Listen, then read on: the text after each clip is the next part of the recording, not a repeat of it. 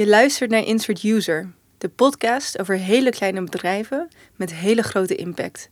We hebben het natuurlijk over de start-ups.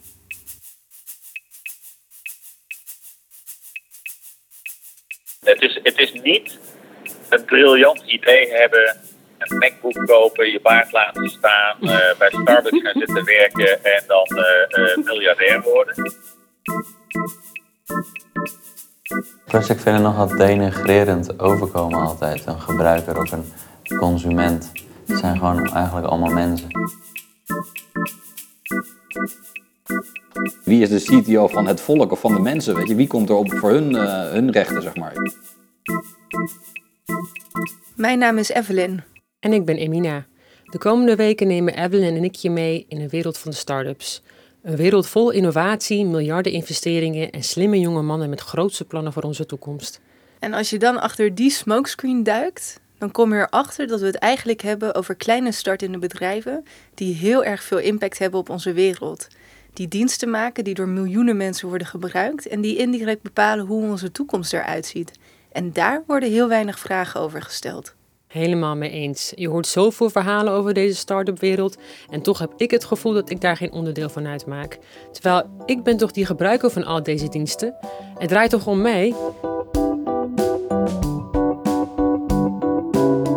Evelyn en ik hebben elkaar leren kennen bij Mediamatic in Amsterdam, waar we toen allebei werkten, ongeveer zes jaar geleden. Toen de tijd was Mediamatic nog een soort van proeftuin voor human-computer interaction. Er werd veel geëxperimenteerd met hoe je een online wereld offline voelbaar kon maken. We hebben daar toen heel veel discussie over gehad. Wat betekent al die technologie voor onze maatschappij? En begrijp wel, dit was de tijd waarin RFID-tags nog helemaal hip waren en er heftig werd gediscussieerd over een soort van web 3.0. Oh, dat lijkt echt heel lang geleden. RFID-tags, jezus. Maar wat denk ik wel overeind is blijven staan, is die vraag die toen centraal stond. Namelijk over de wisselwerking tussen nieuwe technologie en de maatschappij. En die vraag, die is de laatste jaren echt alleen maar urgenter geworden. Veel van de dingen waar we zes jaar geleden nog van een veilige afstand over na konden denken, die zijn nu aan het gebeuren. Denk aan machine learning, de quantified self, virtual reality, big data.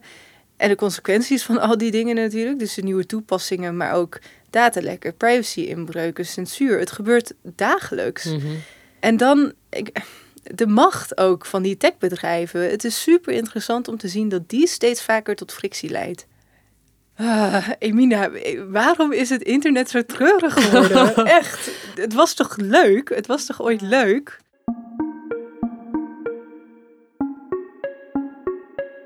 Toen wij pas in de trein zaten naar Groningen, toen zei jij: hey, op dit moment verdient er niemand aan ons gesprek. Ja. Wow, dat is, dat is toch, dat is toch erg? ja. Dat is toch erg. Maar ook super fascinerend. We kunnen dus uh, nauwelijks meer communiceren zonder dat daar een derde partij tussen zit. Ja, en die partij die daar ook aan verdient, hè? Ja.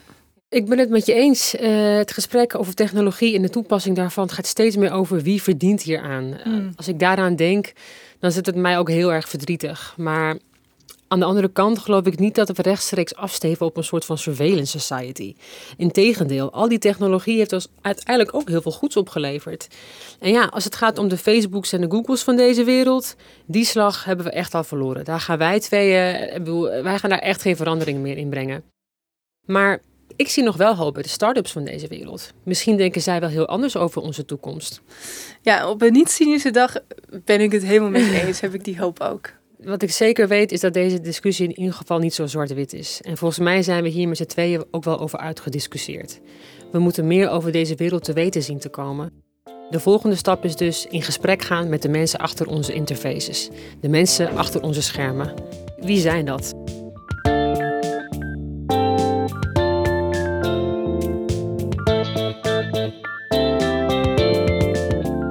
In de komende zes afleveringen hebben we het over day-to-day zaken, maar ook over ideologie en geloof. We gaan het heel erg veel hebben over technologie en over de toekomst. Yay, de toekomst. maar wat hebben die start-ups eigenlijk voor ons in petto? We spreken met founders, met filosofen, activisten, heavy users, developers. Hoe ziet de wereld according to startups eruit? Welke kansen liggen er? En welke rol spelen wij, de gebruikers?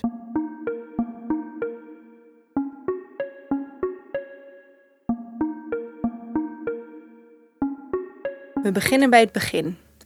Mijn eerste vraag is dan gelijk: wat is een start-up en hoe verschilt het van een normaal bedrijf? Goeie vraag en meteen ook een hele lastige vraag. Een start-up is voor veel mensen iets anders. Maar wat ik wel weet is hoe je een start-up definieert, bepaalt ook voor een groot deel wat je van start-ups vindt. Dat is in ieder geval wat ik van Oscar Kneppers heb begrepen. En deze man, deze man kan het weten. Oscar heeft inmiddels zoveel start-ups naar een next level gebracht dat hij zichzelf met recht een serial entrepreneur mag noemen. Hij richtte onder andere Bright en Emerse op, twee namen die iedereen in de start-up scene wel kent. Tegenwoordig stort hij zich volledig op Rockstart. Als er zoiets zou zijn als een universiteit voor start-ups, dan komt Rockstart aardig in de buurt. Na drie PA's gesproken te hebben, kwam het er uiteindelijk van. Ik kreeg een half uur om Oscar aan de tand te voelen via de telefoon terwijl hij op weg was naar Nijmegen. Daar stonden pakweg 50 health startups met knikkende knieën klaar om voor hem te pitchen. Het is, het is niet een briljant idee hebben, een MacBook kopen, je baard laten staan, uh, bij Starbucks gaan zitten werken en dan uh, uh, miljardair worden. Dat is het meestal niet. Het is meestal gewoon daadkracht, discipline, doorzettingsvermogen. Gewoon de beuk erin. Een start-up gaat volgens Oscar niet over briljante ideeën, baarden en MacBooks, maar over drive en momentum. Oscar vertelt me over hoe zijn fascinatie voor start-ups is begonnen in 1995, toen hij voor het laatst in loondienst was als directeur bij Macworld. Voor de lancering daarvan verhuisde hij naar Silicon Valley. Daar proefde hij voor het eerst in 1995 al wat hij noemt de magie van de start-up. De magie is denk ik het beste omschrijven dat als je pak beet, ergens uh, een klein vuurtje gaat stoken. Iemand die maakt een vuurtje, dat trekt mensen aan. En mensen zijn altijd gefascineerd en trekken naar vuren, zou ik het zeggen. En, en een start-up is ook dat, hè. Het is de fascinatie voor, hé, hey, wat gebeurt daar? Ik wil even zien hoe dat gaat. En nou, dat trekt mensen aan. En voor je het weet wordt dat, uh, dat kleine waakvlammetje wordt serieus fik. Daar zit een belofte van uh, dat het beter gaat worden. In een soort impliciete belofte dat het anders kan. En ieder mens, ben ik van overtuigd, wil eigenlijk weten wat het nog beter kan. En ieder mens heeft voortdurend naar een soort autonomie en zelfbeschikking, onafhankelijkheid, vrijheid. En een start-up laat zien dat dat binnen je bereik ligt. Mm-hmm. En is dat ook een beetje waarom het uh, een start-up eigenlijk essentieel anders is dan een traditioneel bedrijf? Het heeft naast dat economische doel heeft het ook een soort van het kan beter. Het heeft iets maatschappelijks in zich. Ja, dat is zo. Maar het is, kijk, een start-up is geen bedrijf. Dat is echt heel belangrijk. Het, uh, een start-up is een kleinschalig experiment dat hele grote risico's neemt op zoek naar een herhaalbaar businessmodel. Mhm. En pas dan, als ze dat gevonden hebben, dan wordt het een bedrijf. En Shell is een bedrijf, heel veel verantwoordelijkheden. Een start-up is een experiment op zoek naar een model. En ja, dat experimenteren, fouten maken, honderd keer opnieuw proberen, volhouden, doorzetten, discipline hebben, toewijding. Nou ja, al dat, dat maakt het een experiment. Oké, okay, dus die vraag die jij had, Evelyn, uh, wat is ja. een start-up en hoe is het anders dan een normaal bedrijf? Ja, ja hij, legt het, hij legt het best wel mooi uit. Wat ik wel lastig vind, um, kijk, je hebt misschien wel geen businessmodel, maar waarschijnlijk al wel gebruikers. Waarom zou je naar hun toe geen verantwoordelijkheden hebben?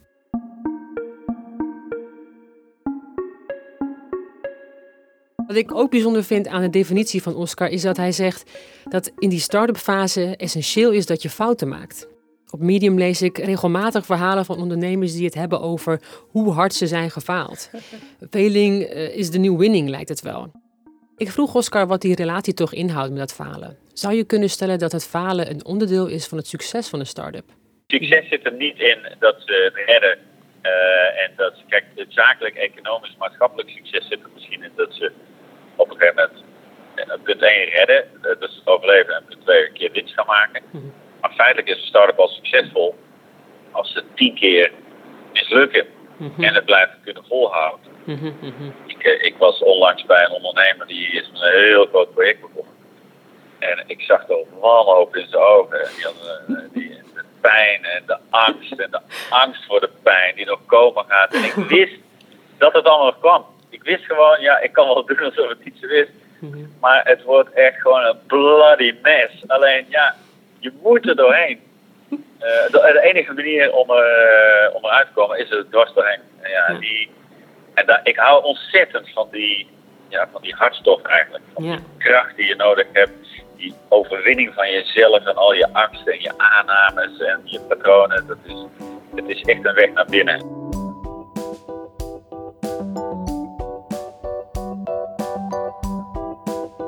De wanhoop nabij zijn en dan toch doorgaan. Zoals je hoort moet ik er stiekem een beetje om lachen. Hoeveel kracht en positiviteit moet je in je hebben om dat vol te houden? Om niet onderdoor te gaan aan al het falen, dan wel aan jezelf en je eigen aannames. Wat, wat voor een mens word je dan? Eigenlijk heel logisch dat tien keer mislukken en dan nog blijven bestaan nog steeds succes betekent in de start-up wereld. Het is een rommelig, bloederig, vaak heel persoonlijk experiment dat door middel van falen zich langzaam ontwikkelt naar iets wat op een bedrijf gaat lijken. De holy grail is dat businessmodel vinden. De start-up als experiment. Dat is eigenlijk ook wat ik van Naldo hoor. De start-up is de periode waarin je op zoek bent naar je bedrijf of je businessmodel. Nalde zei letterlijk: je hebt een idee, je gaat wat prototypes maken en je hoopt dat mensen er het nut van inzien. Voor wie Nalde niet kent, Nalde is medeoprichter van WeTransfer, een filesharing service waar elke maand 40 miljoen mensen gebruik van maken. Ik gebruik het, jij gebruikt het vermoed ik ook. Ze hebben onlangs een kantoor in Los Angeles geopend om hun groei in de Amerikaanse markt te versnellen. Klinkt best wel als een prototype successtory voor een start-up en ondernemer. Je begint uit enthousiasme. Ik denk dat dat een groot element is bij elke start-up, het naïeve enthousiasme ondernemers zijn wat dat betreft gewoon hele naïeve mensen die geen drempels zien en in niets geloven. En met aanstekelijk enthousiasme anderen kunnen enthousiasmeren om mee te doen aan dat gekke experiment. Als daar vervolgens dan een business of een bedrijf uit ontstaat, ja, dan denk ik dat elke ondernemer zich even achter zijn oor krabt om vervolgens na te denken: oké, nu wordt het serieus. Wat nu? Ik sprak Nalde op het WeTransfer kantoor in Amsterdam. Je komt daar binnen in iets wat meer op een café lijkt dan een kantoor. Het hele team zat ook te lunchen toen ik kwam. Nalde at geloof ik brood met hagelslag. Dat vond ik eigenlijk best wel innemend. En die experimentele fase waar Oscar het over had, die heeft Nalde nog niet zo heel lang geleden meegemaakt. Ik vroeg hem wat experimenteren precies inhoudt. Hoe doe je dat? Met welke vragen krijg je dan te maken? Ehm, het kan als een, een, een, als een product al een groot succes zijn, maar de business komt vaak later. Je hebt heel veel mensen die een toffe app of een webservice lanceren, daar heel veel gebruikers op krijgen, maar nog niet helemaal hebben uitgevogeld hoe ze er nou geld mee gaan verdienen. En hoe ze het team gaan schalen of de technologie gaan schalen. Dus in die start-up fase ga je gewoon kijken of iets werkt. En als het dan werkt, dan ga je opschalen. En dan kom je in dat scale-up fase. Dat is een beetje waar wij nu in zitten als je het zo zegt, klinkt het uh, als of je moet de hele tijd heel snel zijn en heel snel. Snelheid is in een start-up zeker belangrijk. Extreem belangrijk. Je moet ook gewoon goed zijn. Maar je moet aan de andere kant ook een soort momentum hebben. En je moet uh, een culturele context weten te duiden. Weet je, ben je nu relevant voor een probleem wat bestaat? Of los je een probleem op wat er misschien aan zit te komen? Het is super lastig heeft de bevolking, de burgers, hebben zij behoefte aan deze oplossing? Ja, de, daar kom je allemaal achter tijdens een start-up fase. En dan vervolgens, als dat zo is, hoe ga je het soort van rendabel houden? Hoe ga je het winstgevend maken? En dat, dat, dat klinkt wel heel moeilijk, eigenlijk. Ja, ondernemen, ja, ik ben blij dat iemand eens een keer dat zegt. Het wordt altijd in de media een beetje weggedaan alsof het allemaal heel makkelijk is natuurlijk. Maar het is bloed, zweet en tranen. Met name tranen. Ja, tranen. Stiekem zei hij dat wel met een hele lichte grijns op zijn gezicht. En ik denk wat we niet moeten vergeten, de afgelopen jaren heeft Naldus een bedrijf van 20 naar 70 medewerkers zien groeien. Die start-up fase die heeft hij doorstaan en hij is er heel huids uitgekomen. En wat komt er dan? Hoe bepaal je waar je naartoe gaat als je gaat opschalen? Waarom wil je dat überhaupt? Die experimentele fase, I don't know, maar hij klinkt best wel tof. Ik vroeg Nalde naar welke nieuwe uitdagingen er komen kijken als je je bedrijf, en ja, ja, we mogen het niet zo noemen, maar als je je bedrijf laat groeien van start-up naar scale-up. Um, ja, het bewaren van je DNA van je bedrijf, de values waar je voor staat um, en, en hoe communiceer je dat door naar een team dat alsmaar groeit.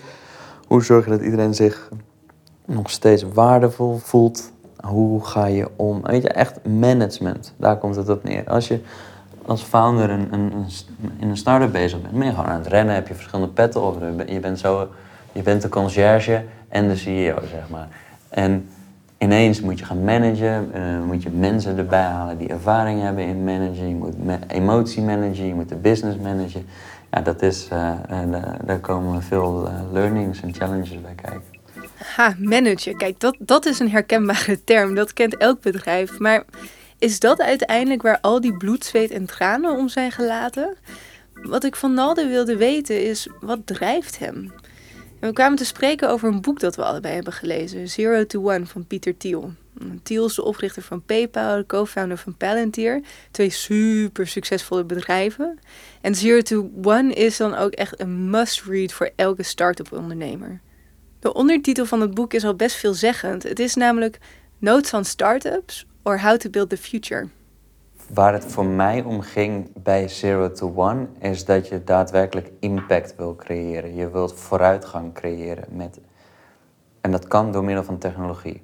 Dat is fucking next level hoe hij dat uiteenzet in zijn boek. Wat ik namelijk minder interessant vind, is als je de zoveelste webwinkel begint. Want, want wat betekent Zero to One voor jou? Vooruitgang. Mijn kind ging van 0 naar 1. En wat daar allebei, allemaal bij komt, aan dat hij ineens kan lopen, dat hij zichzelf duidelijk kan maken, dat is zo next level. En dat, dat symboliseert voor mij de zero to one sprong. Dat je van kruipen naar lopen gaat, dat je jezelf verstaanbaar kan maken, dat je kan interacten met mensen.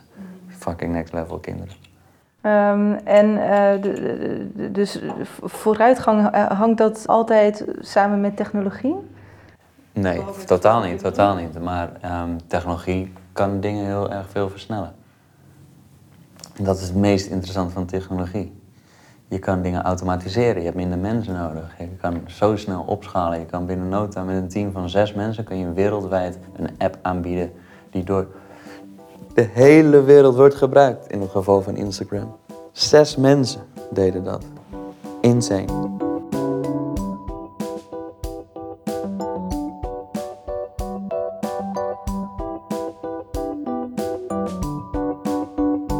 Insane inderdaad. En een kleine disclosure, dat kind waar hij het net over had, dat is ook voor de helft van mij, hè?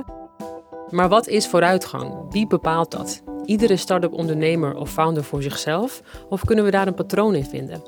Nalde zegt dat vooruitgang niet per se tech-driven hoeft te zijn. Maar toch is dat anno 2016 bijna altijd wel zo. En welk doel streef je dan als start-up ondernemer? De wereld verbeteren? Ik vind het heel moeilijk om de grote dromen en visies die start-up ondernemers uitspreken te rijmen met de producten en diensten die ze aanbieden. Start-up die zichzelf aanbieden als de Google van de landbouw, de Uber van de arbeidsmarkt of Facebook voor mensen die vreemd willen gaan. Welk probleem los je in godsnaam op? Ik sprak Jons Janssens over het doel dat start-ups nastreven, een onderwerp waar hij zeker iets over te zeggen heeft. Jons is namelijk een van de weinige ondernemers die ik ken die nadenkt over de toepassing van technologie voor de force of good, zoals hij dat zelf noemt. In een ver verleden studeerde hij bedrijfskunde, maar al snel raakte ook hij diep in de banden van het fenomeen start-up. Na verschillende bedrijven opgericht en verkocht te hebben, richtte hij in 2015 samen met zijn zakenpartner Arnoud Haverlag een start-up studio op genaamd Backspace. Nu helpen ze meerdere start-ups om positive impact te creëren in de wereld. Jons denkt heel gestructureerd en analytisch na over zaken die voor de meeste mensen abstract en onmeetbaar zijn. De juiste man om vragen te stellen over zoiets abstracts als vooruitgang. In general, hè, wat ik net al zei, is using business in for the force of good, zeg maar, of zo. Je, dat, ja. En dan kan je zeggen, ja, wat is dan de definitie van goed, weet je? En uh, wat is vooruitgang? En uh, nou, dat wordt erg filosofisch allemaal. Maar in general moet je er ook niet altijd ingewikkeld over doen, denk ik, weet je. Wij persoonlijk, dus Backspace, mijn bedrijf, die zet zich in om nieuwe elektromotoren te maken, geen dieselmotoren. Weet je, dat is niet zo heel ingewikkeld, zeg maar. Dus ja, je kan er heel, heel academisch onderbouwd verhaal van maken, maar in zijn algemeenheid gaat het om vooruitgang brengen op sociaal en op um, environmental change. Maar dat zijn de twee grote drijvers achter die, eh, die hele impactbeweging, denk ik. In het portfolio van Backspace vind je bedrijven in sensoring technology, fintech en cybersecurity. Hun laatste start-up heet Sovereign het privacyvriendelijke alternatief voor Gmail. Een e-mailservice die je data niet verkoopt en jou als gebruiker dus soeverein maakt. Lijkt me toch best lastig om zoiets te combineren, een maatschappelijk en financieel doel. Je zal allereerst als bedrijf toch iets van financiële waarde moeten creëren. Ik vroeg Jons er ook naar. Ja, dat, dat, ik vind dat een heel interessant thema, zeg maar, van wat is het doel dat daarboven ligt. Hè? Dus uh, bedrijfskunde gestudeerd en daarin was het, is het, is het een van de doelen van een bedrijf is waarde genereren voor de aandeelhouders. Maar dat kan je natuurlijk op heel veel manieren uh, interpreteren. Dat kan puur sec financiële waarde zijn, maar dat kan ook waarde zijn op heel veel andere vlakken. En ik ben erg blij dat er een bepaalde groep, ook binnen de start-up scene of de tech scene, zeg maar, andere ehm, meetmomenten of metrics met een Engels woord kiest die ook belangrijk zijn. Jons is ervan overtuigd dat we in een andere tijd leven. De tijden waarin ondernemen alleen maar geld verdienen betekent, zijn voorbij.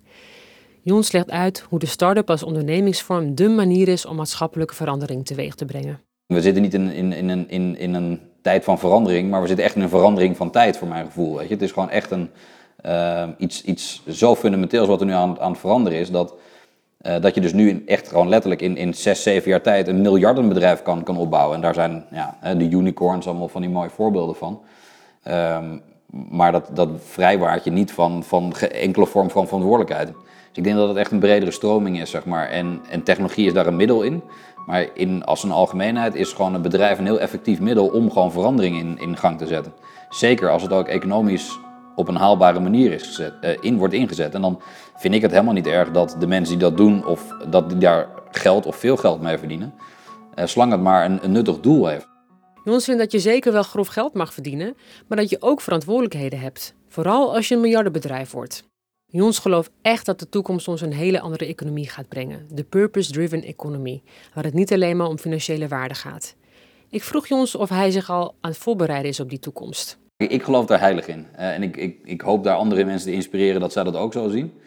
Ik denk dat heel rationeel gedreven mensen ook al die keuze zouden moeten maken. Als je het hebt over talent aantrekken, op funding aantrekken. Er zijn op zoveel verschillende vlakken waarop dat belangrijk is. Nog even los of jij nou vanuit principe heel erg vereenzelvigt met waar de wereld naartoe gaat, zeg maar. Dus ik denk dat dat een van de sterkste krachten is die, uh, die, die nu echt op gang komt. Dat het goed doen hip wordt of dat het cool wordt zelfs, weet je. En dat is gewoon jarenlang niet zo geweest. En dat is, dat vind ik echt een tipping point. Dat is gewoon echt iets wat je nu ziet gebeuren, zeg maar. Dat zie je op allerlei vlakken. Of je dat nou in Triodos bij, bij bankieren ziet, of Markt met een Q in de, uh, in de, in de retail business, of, of Tesla met de auto's, weet je. Je ziet op zoveel vlakken dat sustainability ook sexy kan zijn. Ja, dat is iets waar ik echt in geloof, dat je dat een groot bredere groep mensen wil bereiken. Niet alleen maar de activistische types.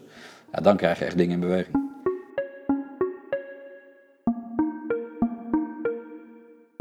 Wat vind jij ervan? We gaan naar een wereld waar waarde meer betekent dan alleen maar geld. Als ik het zo hoor, ik bedoel, die problemen die ons aankaart, het zijn echt hele grote issues. Ik bedoel, fijn toch dat ook ondernemers daarover gaan nadenken? Ja, ja, het is ontzettend interessant. En je hebt gelijk, het zijn hele grote onderwerpen. En, en daarom denk ik ook, en misschien is dat echt super ouderwets, helemaal niet meer van deze tijd, maar hoe zit het met die overheid? Dat is toch van oudsher het orgaan dat belast is met zorgen dat we met z'n allen een bepaalde kant op bewegen? Ja. ja, we spraken natuurlijk meer mensen uit de start-up wereld. En het lijkt niet echt alsof ze vertrouwen hebben in de overheid. Hm. Ik bedoel, het is niet alleen maar Oscar Nalde en jongens die dat zeggen. Nee. Wat ik, dingen die ik hoor zijn, de overheid is weinig progressief, het is weinig creatief, uh, de overheid laat zich van alles wijsmaken en heeft haar zaakjes niet op orde. Hm. En ergens snap ik dat sentiment ook wel. Ook ik heb soms het gevoel dat er te weinig visie is en dat er heel veel concessies worden gemaakt. Maar wederom, het is ook een zaak van hoe je naar de rol van de overheid kijkt.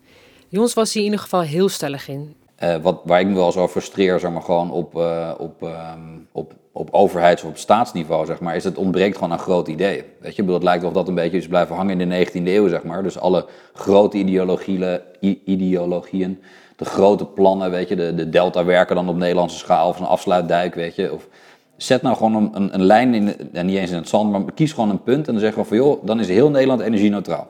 Weet je, kies gewoon een punt. Noem, wat mij betreft zeggen we 2020, maar dat zal wel mensen weer wat snel vinden ja, ik, ik begrijp dat niet. Weet je. Ik begrijp gewoon niet waarom er niet in Nederland gewoon echt grote plannen weer worden neergezet. En gewoon, dus daar wordt wel eens mee gesproken, ook met vertegenwoordigers van de overheid. En denk ik van ja, weet je, er zit soms zo weinig visie in. Het is allemaal micromanagement, weet je. Heel korte termijn geneuzel, zeg maar, over korte termijn problemen en een beetje elkaar de tent uitvechten in de Tweede Kamer. En niet over grote dingen. Startups die naar de overheid wijzen omdat zij dingen voor hen moeten doen, dat zijn voor mijn gevoel niet de juiste ondernemers. Uh, en dat is ook denk ik ook wel weer een verschil tussen een start-up ondernemer en een normale ondernemer. Gewoon iemand die een, um, een bedrijf runt wat al 100 jaar bestaat. Zeg maar dat, um, die, die, die, die kijken misschien meer naar gevestigde orde en in hoe overheid dingen voor hen regelt. Ik heb eigenlijk geen uh, of zo min mogelijk contact met, uh, met overheden. Zo min mogelijk contact met de overheid dus. Zelf een plan maken, een visie uitstippelen. Want als je op die overheid moet wachten, dan kun je echt lang wachten. En hier komt dan weer dus die ondernemersgeest waar we het steeds over hebben om de hoek kijken. De naïeve optimist die de wereld wil veranderen en daarvoor bereid is hard op zijn bek te gaan. Ik denk dat dat wel een van de inherente dingen aan startups is. Die kijken, het zijn echt, ja, nog maar weer een Engels term te gebruiken, echt future driven. Dat zijn progressief vooruitkijkende mensen over het algemeen. En die denken er meer over na hoe het beter kan en niet per se hoe het slechter kan.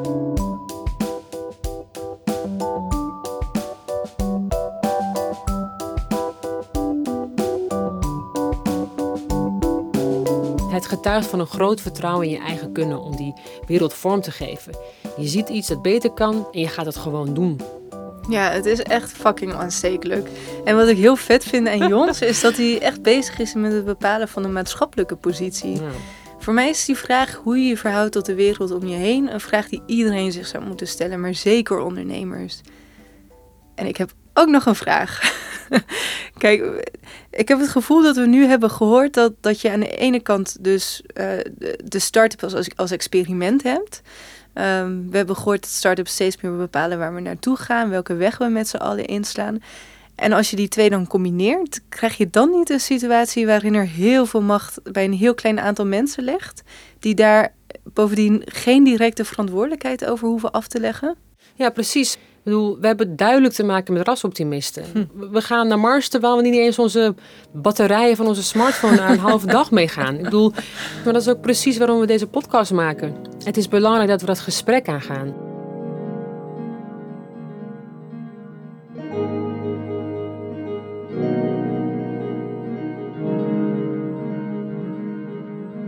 Over de details zijn we nog niet helemaal uit. Maar wat we in ieder geval zeker kunnen stellen is dat startups nu op dit moment aan onze toekomst werken.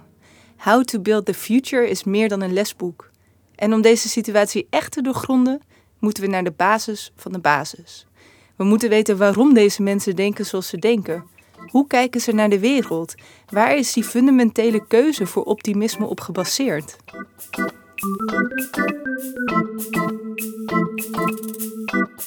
Volgende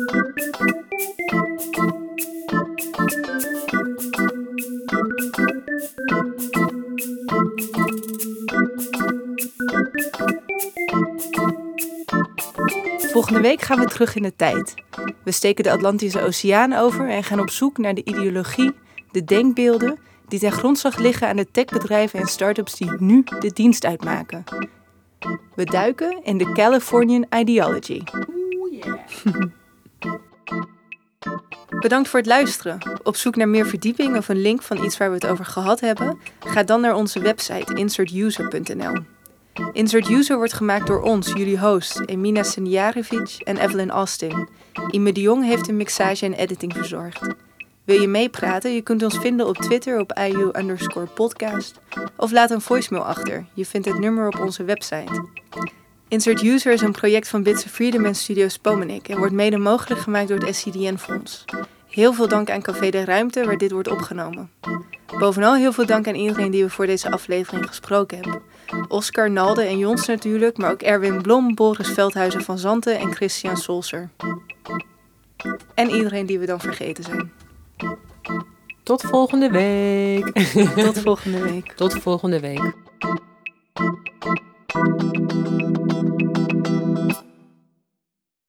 Volgende week bij Insert User. Dus op zichzelf, van zichzelf al is die scene het al behoorlijk elitair. Dat is denk ik ook gewoon het hele grote probleem. Dus er bestaan uh, ideeën in die scene dat, dat, dat, zij eigenlijk al de toekomst leven. Uh, en dat de rest vanzelf dan wel volgt. Zij, zij, zij zijn de high-tech koningen uh, kunstenaars en koningen. en generaals van de nieuwe mensheid, van een nieuwe eh, high-tech wereld. Ehm, dat is wat ze denken.